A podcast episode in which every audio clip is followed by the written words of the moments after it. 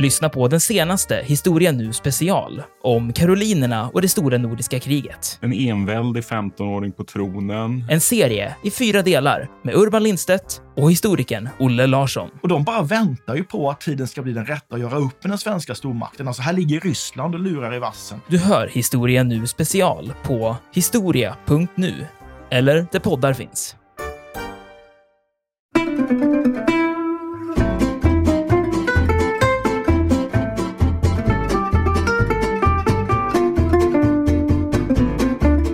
Nordenskjöld skulle ju få välja vapen i den här duellen, för det var ju han som blev utmanad.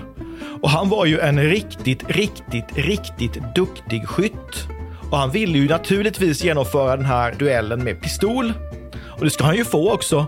Men sen så är det den här eh, Münchhausen framme och eh, säger att ja, de ska åka iväg till den här duellen på morgonen. Du behöver inte ta med dig några pistoler. Det, strunta i det. Det här, är, ju, här duellen det var ju liksom bara en, ja, en formell grej. Så, så det kommer inte bli någonting. Så, så strunta du i det.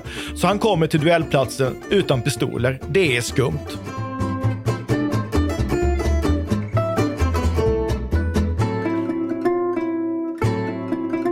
Podden En oväntad historia utgår från en liten händelse för att med glimten i ögat berätta den stora historien.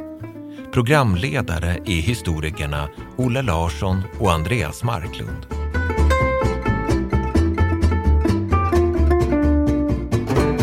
Tjena Olle!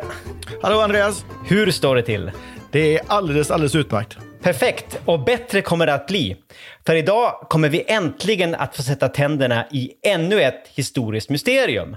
Nämligen den norsk-danska krigshjälten och kaparen Peter Wesel Tordenskiölds dramatiska död på ett dimhöljt fält utanför den tyska staden Hannover den 12 november 1720. Eller mysterium och mysterium. Det är faktiskt inte alla som anser att det här dödsfallet är speciellt, vad ska man säga då, mystifikt egentligen, givet, givet omständigheterna. Det kommer vi till alldeles strax. Men det är ett väldigt omdebatterat dödsfall. Förmodligen det mest omdebatterade från stora nordiska krigets tid som vi har egentligen. Förutom då naturligtvis Karl XIIs död, som vi har touchat vid tidigare avsnitt. Jag kan då redan nu avslöja att det är ett duellrelaterat dödsfall som vi ska prata om idag och att vi bland ingredienserna kan hitta både värjor, en massa förolämpningar som flyger genom luften och eh, diverse hetlevrade män då med en bakgrund i det militära. Dessutom handlar det om ära och inte minst då om manlighet. Klassisk manlighet. Men Olle, dueller var ju faktiskt ett ganska vanligt samhällsfenomen i äldre tid. Inte minst då bland adelsmän och män då med militär bakgrund. Det var ju ofta då synonymt det där med att vara adelsman och militär, i alla fall om man tittar på officerarna. Utvecklingslinjerna på det här området ser ju lite olika ut i olika länder, men det duellerades rätt friskt i stora delar av Europa från slutet av 1500-talet fram till första världskriget ungefär. Trots att det redan då på 1600-talet började komma olika typer av duellplakat, som det hette, i både Frankrike, Sverige, Danmark och många andra europeiska länder, där man då gjorde det förbjudet då att duellera med hot om dödsstraff och ärelösa begravningar för de personer som deltog i de här, vad ska man säga, ritualiserade närstriderna man mot man. Den sista duellen på svensk mark som jag känner till utkämpades 1816. Det är i alla fall den sista kända duellen i Sverige som fick dödlig utgång. Men i Frankrike var det faktiskt så sent som 1967.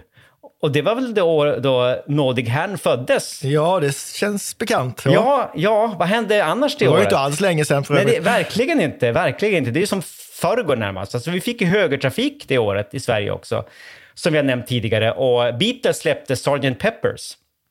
Men just då, det året så var det faktiskt också då två franska politiker på riksnivå som då efter ett gräl, ett käbbel i franska nationalförsamlingen valde att fortsätta då det här käbblet, den här dispyten med, med blanka vapen, med värjor.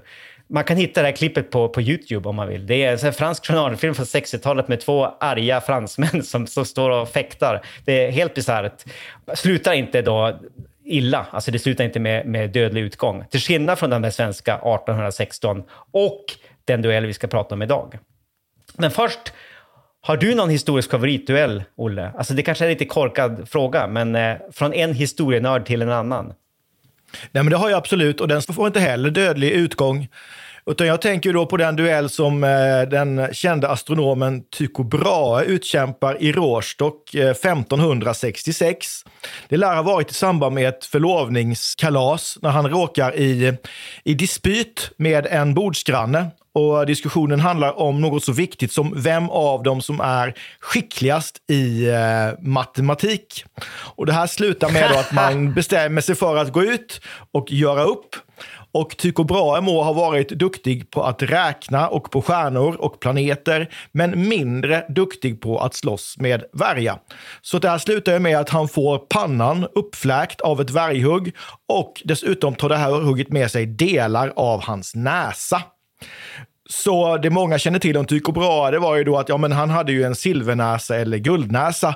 Ja, den var kanske inte av silver eller guld, den var nog snarast av mässing. Men en näsprotes hade han.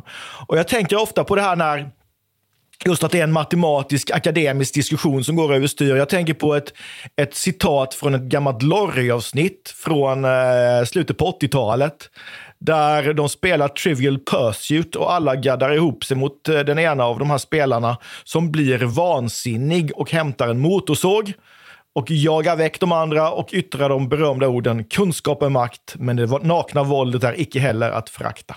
Fantastiskt. Jag, jag menar, det, är, det är ganska signifikativt tycker jag då att eh, Tycho Brahe som uppenbarligen inte var någon stor fäktare, han var ju ändå beväpnad. Vapen hade han och han var redo att dra blankt för att försvara, och försvara sin ära. För Absolut. att försvara sin ära. Det är ja. ytterst signifikativt. Och här vill jag då bara tillföra i parentes att eh, han ser ju helt bisarr ut när man, man googlar honom. Alltså han har ju någon slags, han har den där protesen som ger honom en, vad ska man säga, rätt skarp profil. Alltså han ja, den är, slags... den är inte naturalistisk precis. Ja, ja men, nej, men han liknar någon slags robotmänniska. Alltså en cyborg i så här, tidig modern tappning. Helt fantastiskt. Min egen favoritduell, det är då en duell som aldrig blev till verklighet. Det är den här otroligt bisarra situationen då Karl IX utmanade kungen av Danmark på duell, alltså efter då att danskarna hade invaderat Kalmar, eller erövrat Kalmar till och med, 1611. Då skickade ju Karl IX, som då var alltså, till åren kommen, alltså han var väl över 60 och ganska försvagad. Han skickade en herold till den danske kungens läger tillsammans med en trumpetare. Och herolden fick läsa upp en, en, en utmaning på duell för den danske kungen då Karl IX hänvisade då till, till gamla Göters bruk och sedvänja och föreslog att de här bägge monarkerna skulle mötas man mot man på öppen mark utan rustning och enbart då beväpnade med värjor för att undvika ytterligare blodspillan i, i kriget. Men den danske kungen han vägrade anta utmaningen. Istället skrev han då ett ytterst argsint svarsbrev där han kallade Karl IX, här ska vi kanske då tillägga att eh, Kristian IV var väl åtminstone 30 år yngre än Karl IX. Han kallade Karl IX för en gammal narr som då snarare än en duell mot en ärlig herre var i behov av en varm kakelugn och en medicus som kunde kurera det här är citatet, kurera med C, som kunde kurera då den gamle kungens hjärna. Och det har ju då till saken att Karl IX vid det här laget var ganska försvagad på grund av en hjärnblödning några år tidigare. Och det var den danske kungen uppenbarligen medveten om. Så det är Olle. Tänk om den duellen hade blivit av. Och det är oerhört gement och elakt skrivet. Verkligen. Det var ju liksom... Eh, ibland är pennan vassare än svärdet, får man säga. Det kanske var det som tippade den gamle Karl över gränsen. Han dog ju ganska snart efteråt. Ja, i, i järnblödning nummer två faktiskt. Just ja, det är inte omöjligt, inte omöjligt. Väldigt lömskt får man ju säga i sådana fall.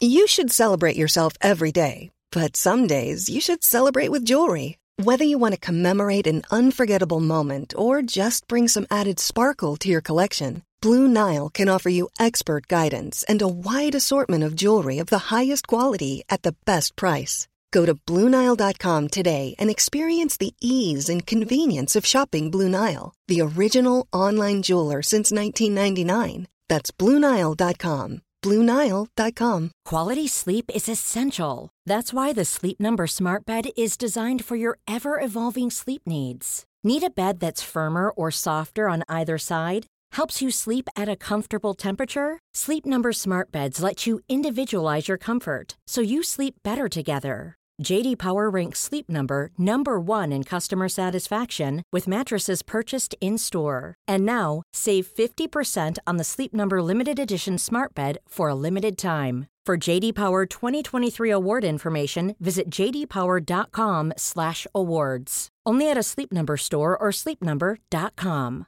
Hiring for your small business? If you're not looking for professionals on LinkedIn, you're looking in the wrong place. That's like looking for your car keys in a fish tank. LinkedIn helps you hire professionals you can't find anywhere else, even those who aren't actively searching for a new job but might be open to the perfect role. In a given month, over 70% of LinkedIn users don't even visit other leading job sites. So start looking in the right place. With LinkedIn, you can hire professionals like a professional. Post your free job on linkedin.com slash people today.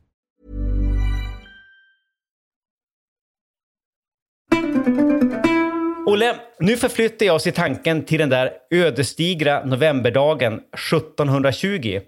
Då den här, nars- alltså den här norsk-danske krigshjälten Peter Wesel Tordenskjöld slutade sina dagar i en mytomspunnen duell i norra Tyskland. Det är relativt tidigt på morgonen.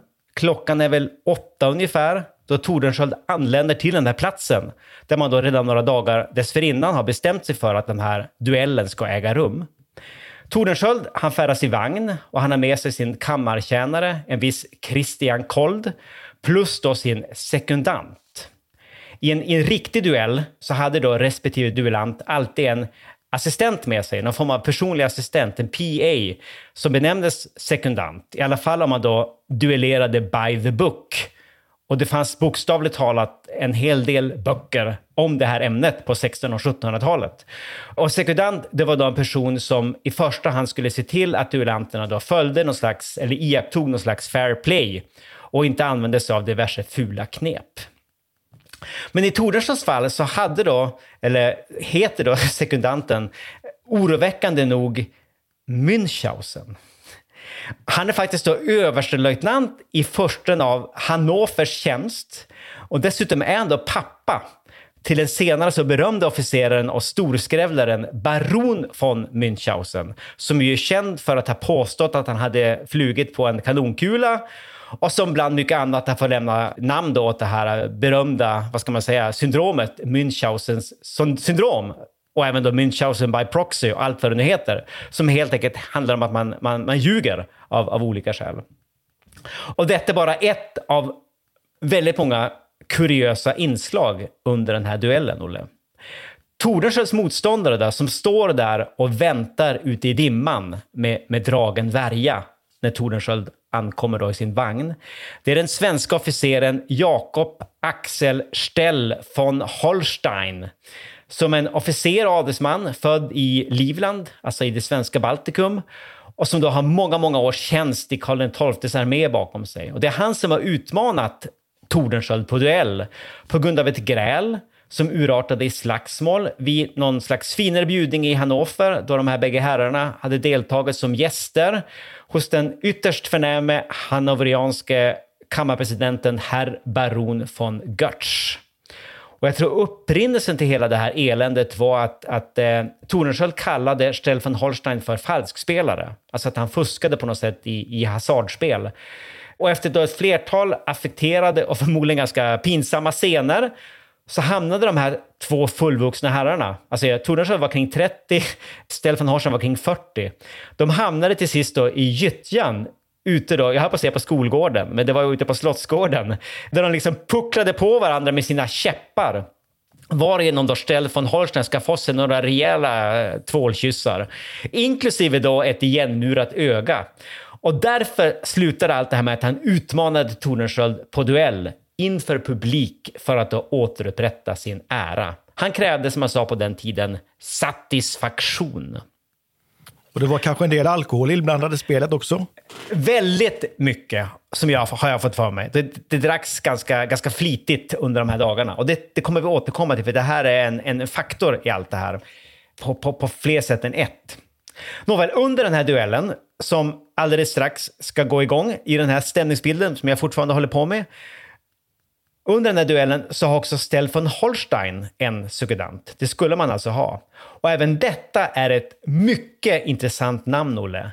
André Sikre, eller Sikre, jag är lite osäker på uttalet faktiskt. Men alltså det var en, en fransk ingenjörsofficer, fortifikationsofficer i svensk tjänst. Vad vet vi om honom, Olle?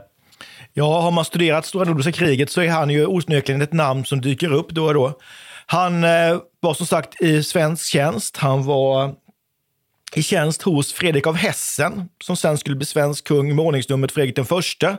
Och han är närvarande i Norge. Och han är en av de första som kommer ner i löpgraven den 30 november 1718 efter det att Karl XII har fått ett dödande skott i vänster tinning han agerar ju ganska så kraftfullt här. Han bestäm, man bestämmer att man ska försöka hålla kungens död hemlig.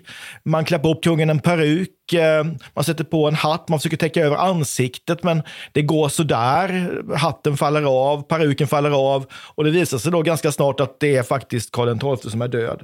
Men han är intressant därför att framförallt de, de som tror att Karl XII blir mördad ger ju Sikre en viktig roll här. Han är den första som berättar för Fredrik av Hessen att kungen är död. Han är den som framför dödsbudet till hovet i Stockholm. Det sprids ganska snart ett rykte om att det är Sikre själv som har skjutit Karl XII mot en ersättning av eh, ett antal tusen eh, dukater. Och för att underkomma det här ryktet så ger han sig utomlands ett litet tag, men kommer tillbaka till Stockholm 1723 och då drabbas han av tyfus med eh, efterföljande, med tillhörande rättare sagt, svår feber. Och i feberyran så lär han då ha öppnat fönstret och hängt ut över en gata i Stockholm och skrikit det var jag, det var jag som sköt Karl XII. Men det här tar han tillbaka sen när han har pignat på sig lite. Så han är en synnerligen intressant person i det här sammanhanget. Och som sagt, det finns väldigt många intressanta detaljer i det här dramat. Alltså han är alltså sekundant åt Tordenskiölds motståndare i den här duellen. Alltså en ganska, vad ska man säga, kan man använda uttrycket slibbrig typ. Jag, jag kan inte låta bli när du kommer med de här, den här beskrivningen, jag kan inte låta bli att tänka lite grann på den så kallade Skandiamannen och hans roll under eh, Palmemordet. Alltså först på plats och eh, svårt att komma runt. Var det inte det riksåklagaren sa? Hela tiden där på något sätt. Och Sikra är ju svår att komma runt, onekligen. Det, det, onekligen. Och han dyker upp här också, vilket ju är synnerligen intressant. Ja, det är ett fascinerande persongalleri Tordenskjöld har omkring sig. Ja, eh, precis, precis. Men det finns i alla fall lite olika versioner av vad som egentligen hände då när duellen väl gick igång. Det återkommer vi också till lite senare. Fakta i fallet är dock att duellen utkämpas med värjor och att det går väldigt, väldigt snabbt enligt samtliga ögonvittnes, ögonvittnesskildringar faktiskt. Stefan Holstein, som då är något äldre, något mer otränad och som jag förstår saken också väsentligt, väsentligt mer plufsig än Tordenskjöld. Han börjar då med en väldigt kraftfull värjstöt rakt mot motståndaren. Jag tror att han hugger mot Tordenskjölds högra sida. Men den här stöten pareras då av Tordenskjöld som då själv försöker göra ett mothugg. Alltså det som jag tror kallas för ripost, om man kan sådana här fäktningsterminologi. Men på något sätt lyckas då Kjell von Holstein i samband med att Tordenskjöld gör den här stöten, att sticka sin värja genom den arm som Tordenskjöld sticker ut. Och den går rakt igenom armen, vidare genom bröstet och ut genom ryggen på andra sidan. Och en av de som bevittnar det här eländet. Och det här går ju, det här går ju skitsnabbt. Det här går ju på några sekunder. Det liksom bara flashar till. En av de som bevittnar det här på nära håll, det är Christian Kold. Tordenskiölds kammartjänare, som då enligt egen utsago störtar fram mot sin husbonde, sin sårade husbonde, som fortfarande står upprätt i, i ett antal sekunder i alla fall. Och som uppenbarligen också ropar på sin tjänare. Tordenskjöld ropar på hjälp. Men han sjunker ihop ganska snabbt då i sin tjänares händer. Och trots att Kold försöker stoppa den här blödningen med en näsduk så forsar livet då bokstavligt talat ut ur Tordenskjöld som dör av förblödning efter tre till fyra minuter, säger då Kold i sin ögonvittnesskildring. Och enligt han själv var han då den enda som var kvar. När han tittade upp så såg han att det var bara han och liket som var kvar på det här dimhöljda fältet. Alltså alla andra hade liksom dunstat på ganska kort tid, inklusive sekundanten Münchhausen, som enligt reglerna var den som skulle ta hand om den döde deulantens kvarlevor och så vidare. Och man gick by the book och ja, ville vara, framstå som en man av ära, som det hette på den här tiden. Men Olle, förutom att det här då är ett väldigt dramatiskt dödsfall så är det ju faktiskt en historisk superkändis som ligger här och förblöder i sin tjänares armar. Han är i alla fall en superkändis i Danmark och Norge. Alltså, här kan man ju se Tordenskiölds kontrafej till exempel på eh, alla tändsticksaskar till exempel. Alltså vi är våran Solstickan-pojken. I Danmark och Norge har man då Tordenskjöld-tändstickor.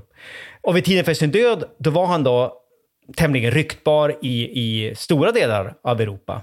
Men Olle, vem, vem var egentligen Peter Wesel Tordenskjöld? Om vi börjar från början så är han ju född 1690. Han är född i Trondheim. Inte känd då under namnet Tordenskjöld, utan han heter ju faktiskt då Peter Wessel. Och eh, han rymmer ganska tidigt hemifrån och kommer till eh, Köpenhamn. Han är då 14 år gammal och bestämmer sig då för att gå till sjöss. Och det gör han. Han hamnar på ett slavskepp som då fraktar eh, slavar mellan Danmark, Västafrika och eh, Danmarks kolonier i, i Västindien. Och eh, han kommer tillbaka mer permanent 1710 och eh, engagerar sig då i den danska örlogsflottan. Och här är han ju eh, han är skicklig och gör en snabb eh, militär karriär anses vara modig på gränsen till våghalsig och deltar ju i flera kända militära operationer under stora nordiska kriget. Och för mig är han ju framförallt förknippad med när han förstör den svenska flottan. Dels då den överskeppningen som Magnus Stenbock försöker göra till Nordtyskland 1712, men också 1716 då när man försöker skeppa över förnödenheter inför ett fälttåg i Norge, då han förstör flera svenska fartyg vid Dynekilen. Mm. Så han, han. Han var liksom med och beseglade kanske både Magnus Stenbocks och Karl XIIs öden lite grann. Ja, han fanns med, absolut med i, i de händelserna.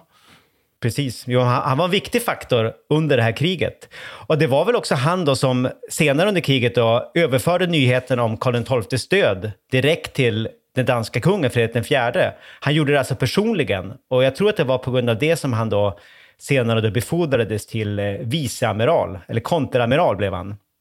Och det var också, jag tror efter Dynekilen som han då hade adlats till Tordenskjöld och jag tror faktiskt att han själv valde det här namnet. Alltså han, han, han skapade namnet själv. Men alltså under resten av kriget, efter Dynekilen och efter Karl XIIs död, så hemsökte han då den svenska västkusten. Alltså han har inte särskilt bra rykte när man åker till Båstad och Torekov och sådana där ställen. Och han anföll exempelvis Göteborg då, flera gånger tror jag faktiskt. Men visst mötte han ett visst motstånd där under de här, äh, vad ska man säga, härjningsexpeditionerna längs västkusten. Alltså, mötte han inte ganska många svenska kapare med den här, vad hette han nu, Lasse i gatan och hans, hans hustru Ingela i gatan i spetsen? Eller har jag missförstått ja, något? Även den här Lasse Gatenhjelm är ju en fantastisk person. Alltså, eller, eller Lasse Gatan som vi känner honom som. Född, han är nästan lika gammal som Tordenskjöld, han är ett år äldre. Och då född i eh, Onsala utanför Göteborg. Då in, under namnet Lars Andersson Gate. Och det är från Gate sen som han blir, blir Gatenhjelm. Han adlas av Karl XII 1715 just för sina insatser som kapare kan jag säga att en kapare och en sjörövare är inte samma sak, även om de bedrev likartad verksamhet. En kapare skulle för att vara kapare förses med ett kaparbrev, till exempel från kungamakten. Så man kapar alltså fiendens fartyg i den egna statens tjänst. Och ett sådant kaparbrev får Lars Andersson Gate av Karl XII 1711. Och det här är utskrivet i bänder.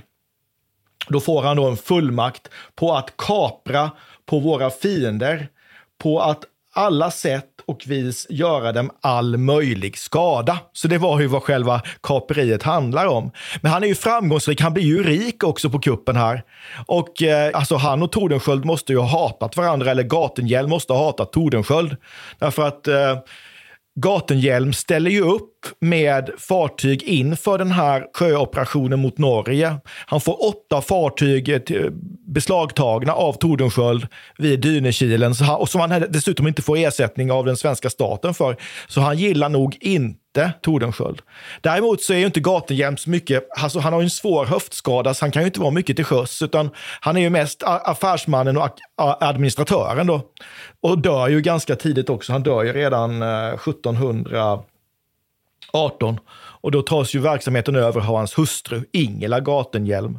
Så det är en framgångsrik kaparfamilj får man säga. Ja, ja verkligen. Ett familjeföretag. Ja, helt ja, klart. Vad ska man säga? Legitimerade, kungligt legitimerade sjöbusar. Ja, legitimerade kung, kapare. kungliga hovleverantörer av kaperiverksamhet. Just precis. Sånt. Spännande, spännande. Men det känns som om liksom Lasse och Ingela i gatan på den ena sidan och Tordenskjöld på den andra rimligen borde ha varit någon slags ärkefiender. Ja, absolut, framförallt mot slutet av Stora Nordiska kriget. Just precis, precis.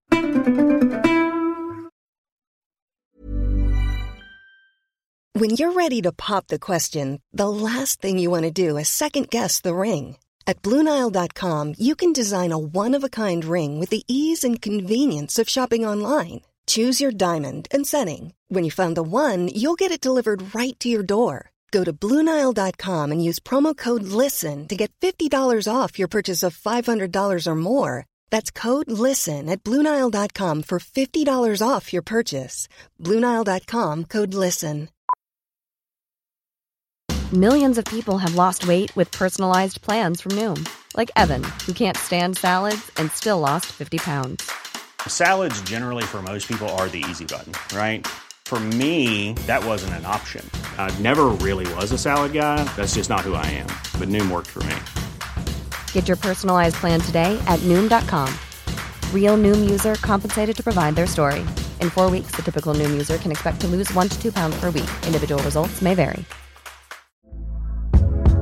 Hey there, it's Michelle Norris. I'm host of a podcast called Your Mama's Kitchen. When I travel, I'm usually looking for a way to find a taste of home when I'm not at home. And one of the things I love to do when I am at home is entertain. And Airbnb allows me to do that. When I was in California recently, I rented a house that had a great kitchen. And when we were sitting around the table, we we're all thinking, we're in someone else's house. Someone could be in all of our homes as well. If you have a home, but you're not always at home, you have an Airbnb. Your home might be worth more than you think. Find out how much at airbnb.com slash host.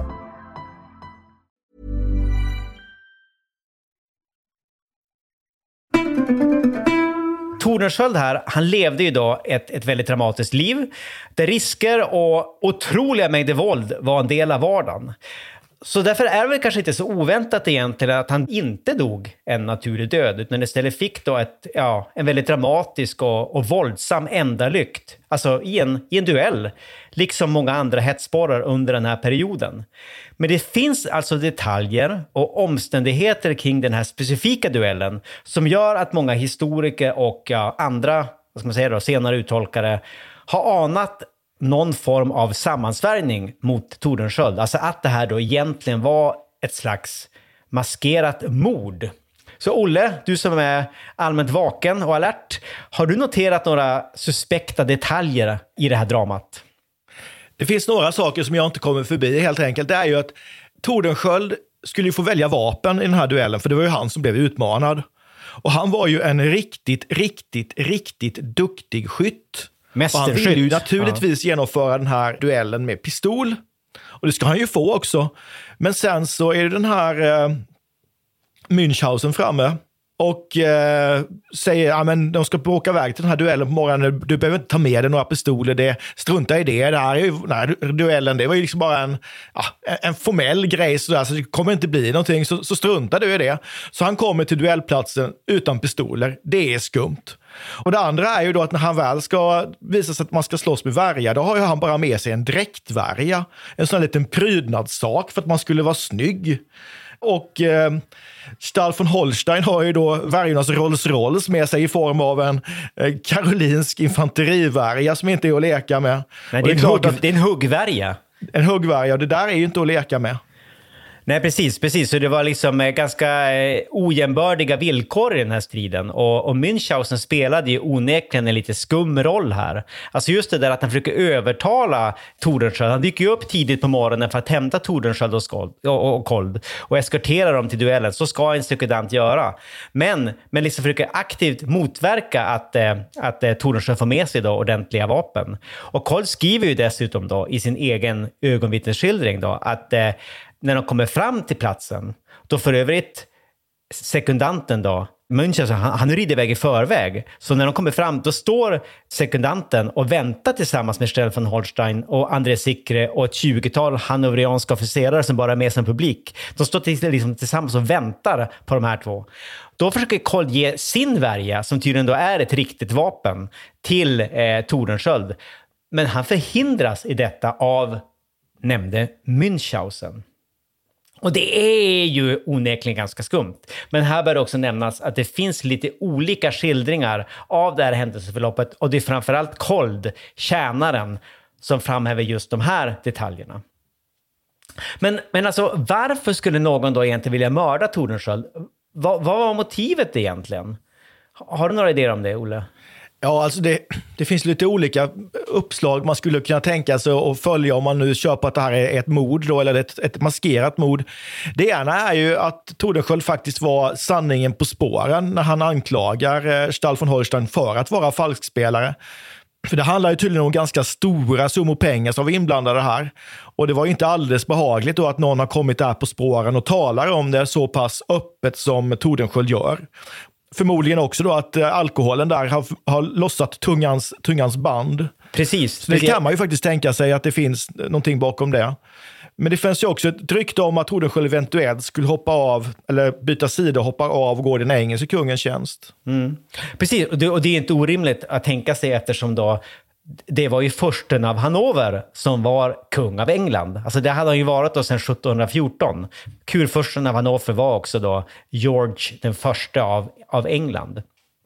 Och där menar vissa då att det fanns ett, eh, ett svenskt motiv, ett säkerhetspolitiskt svenskt motiv. Alltså man var, det låg inte i Sveriges intresse att den här då ärkefienden skulle övergå i britternas tjänst och kanske kunna användas mot Sverige då på ett, på ett ofördelaktigt sätt i framtiden. Själv är jag då inte konspirationsteoretiskt anlagd, inbillar jag mig i alla fall. Men alltså, om jag skulle skriva en historisk spänningsroman om det här, alltså i, i bästa då Dan Brown-stil, alla Da Vinci-koden, då skulle jag ta fasta på alla de här jättehärliga, suggestiva kopplingarna till just precis då Karl XIIs död.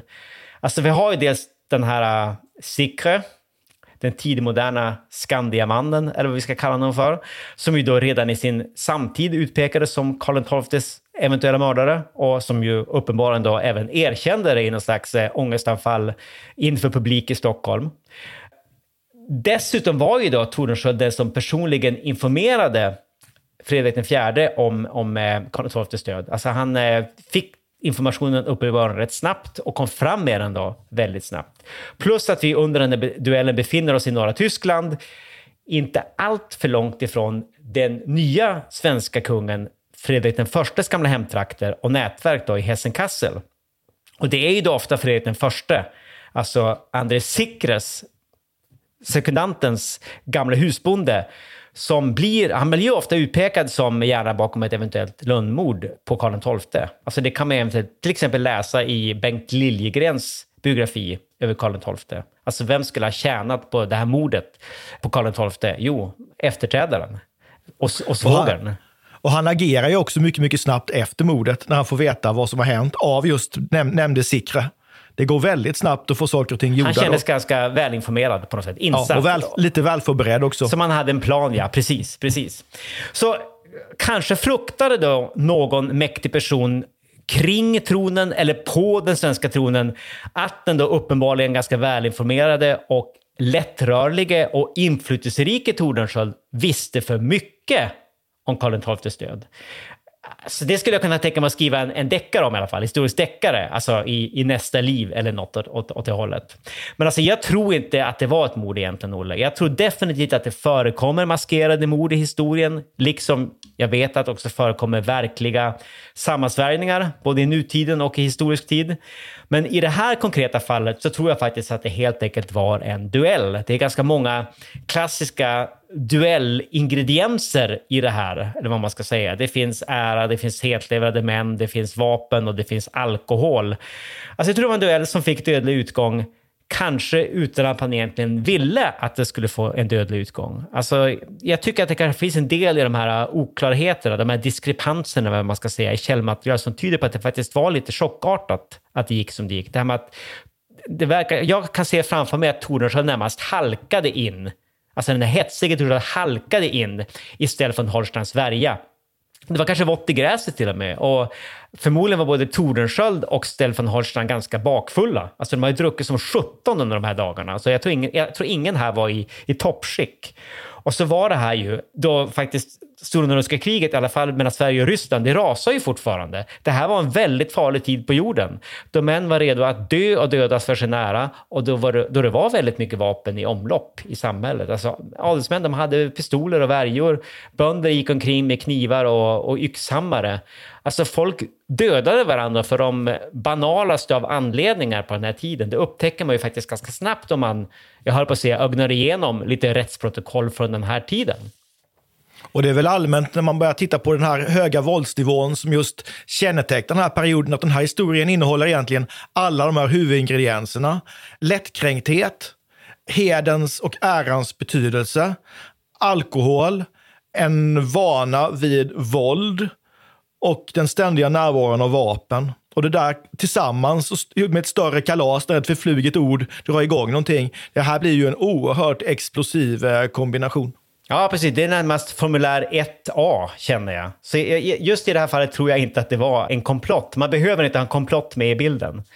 Men alltså en alternativ tolkning av det här dödsfallet som jag tycker är ganska, ganska spännande, den ges ju då i den här dansk-norska spelfilmen Tordenskjöld och Kold, som då kom för några år sedan med då manus av den här äh, ganska äh, skojiga bestsellerförfattaren Erland Loe, det är ju norrman. Och i den här filmen är det då vår egen Björn Kjellman, alltså självaste Björn Kjellman då, som spelar Stell von Holstein på ett ganska sympatiskt sätt, som Björn Kjellman ju ofta gör. Och enligt den här filmen då så är sanningen den att Tornensköld egentligen söp ihjäl sig. Alltså han var då enligt filmen då allmänt på dekis efter slutet på Nordiska kriget. Alltså det slutade lite tidigare blev avslutad lite tidigare mellan Danmark och Sverige, redan sommaren 1720, trots att det fortfarande rasade mellan Sverige och Ryssland fram till sommaren 1721. Och i den här nya fredstida tillvaron så är Tornensköld på krigsveteraners vis allmänt desorienterad och vad ska man säga, identitetslös. Dricker lite för mycket, ger sig ut på den här resan som i filmen, filmen är ju närmast en slags road movie, där det händer både det ena och det andra. Och då slutar med att han hamnar på den här festen i Hannover, där han, faktiskt, där han möter jag har på att säga Björn Kjellman. Han möter Stefan Holstein, Han dricker sig hur full som helst, förolämpar Björn Kjellman, men det, det som händer, innan det händer, händer något mer så, så dör han i sina egna spyor på natten. Det här, den här klassiska rockstjärnedöden. Och då ställer då Stefan Holstein upp tillsammans med den här eh, fantastiska berättaren Münchhausen och andra typer och hittar på den här historien om den här duellen av respekt för en fallen krigshjälte som dog en neslig död. Det är faktiskt ganska fin, det är ju fin historia. Det är ju en äreräddning i så fall. Jag, jag blev ju nästan lite rörd när jag såg den här. Jag tycker det var en helt fantastisk film. Men vad, alltså, Olle, vad, vad tror du? Har du någon teori om vad som egentligen hände? Du, du, du tror också att det var en duell, eller? Jag tror också det var en duell. Jag tror inte och att det är ett mord. Ja. Jag tror helt enkelt det är en, en lång rad olika olyckliga omständigheter som spelar roll. Jag tror, jag är nästan säker på att alkohol spelade roll även under, under äh, själva duellen. För jag kan inte för mitt liv tänka mig att man måste nog vara rätt full om man ska ställa upp på att slåss mot någon, ära eller inte, med en liten dräktvärja mot ett karolinevapen. Det hade jag, all, hade jag aldrig gjort. Men jag är ju inte född på 1600-talet, eller som de här två Nej, herrarna. Det, det, låter ju rätt korkat, men alltså, Tordenskjöld var ju känd för sin våghalsighet och för att vara lite hetlevrad så, så, och, och, och för att dricka ganska mycket. Så vem vet? Nej, men jag, jag, jag håller med dig. Allt tyder Men på det, att det det här... känns som att det, det var ingen, alltså avsikten kanske inte var att det skulle gå så långt som att man skulle fortsätta och fightas lite, kanske sticka någon lite grann i armen och så går det så det går liksom. Så vår slutsats är väl egentligen att det här, det här var inget mysterium egentligen.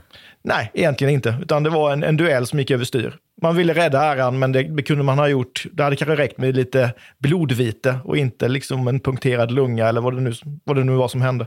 Vad härligt! Alltså det är sällan vi nått en så tydlig slutsats. Så jag tycker Nej. att vi säger, vi säger tack och hej då. Efter Hej det då här. Andreas, ha det så bra. Vi ses. Hej hej! Ses, hej! Hej! Vi tackar programledarna Olle Larsson och Andreas Marklund. Kontakta gärna Olle och Andreas på ovantad.historia.nu. Vi läser allt, men hinner kanske inte alltid svara.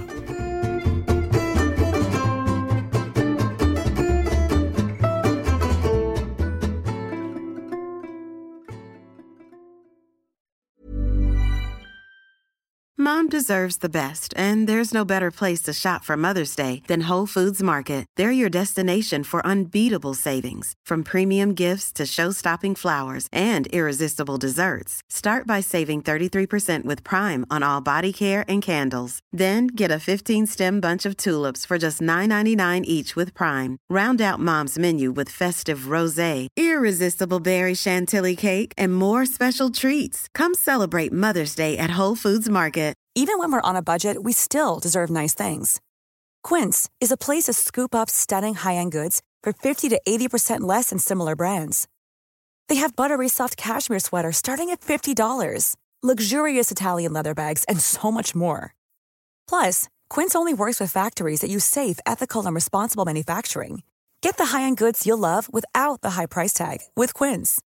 Go to quince.com slash style for free shipping and 365-day returns. Iran har under 1900-talet genomgått tre omvälvande revolutioner som orienterat landet antingen mot västerlandets modell eller mot en auktoritär styrelseform. Idag pågår en social revolution i landet som vänder sig mot det islamistiska styret och vars anhängare har Europa och väst som förebilder. I en viktig bok ger idéhistorikern Mohammad Faslashemi en djupare förståelse för dagens dramatiska händelseutveckling. Iran mellan tre revolutioner är utgiven av förlaget Historiska Media. Beställ den fysiska boken på förlagets hemsida historiskamedia.se eller köp den i en bokhandel nära dig.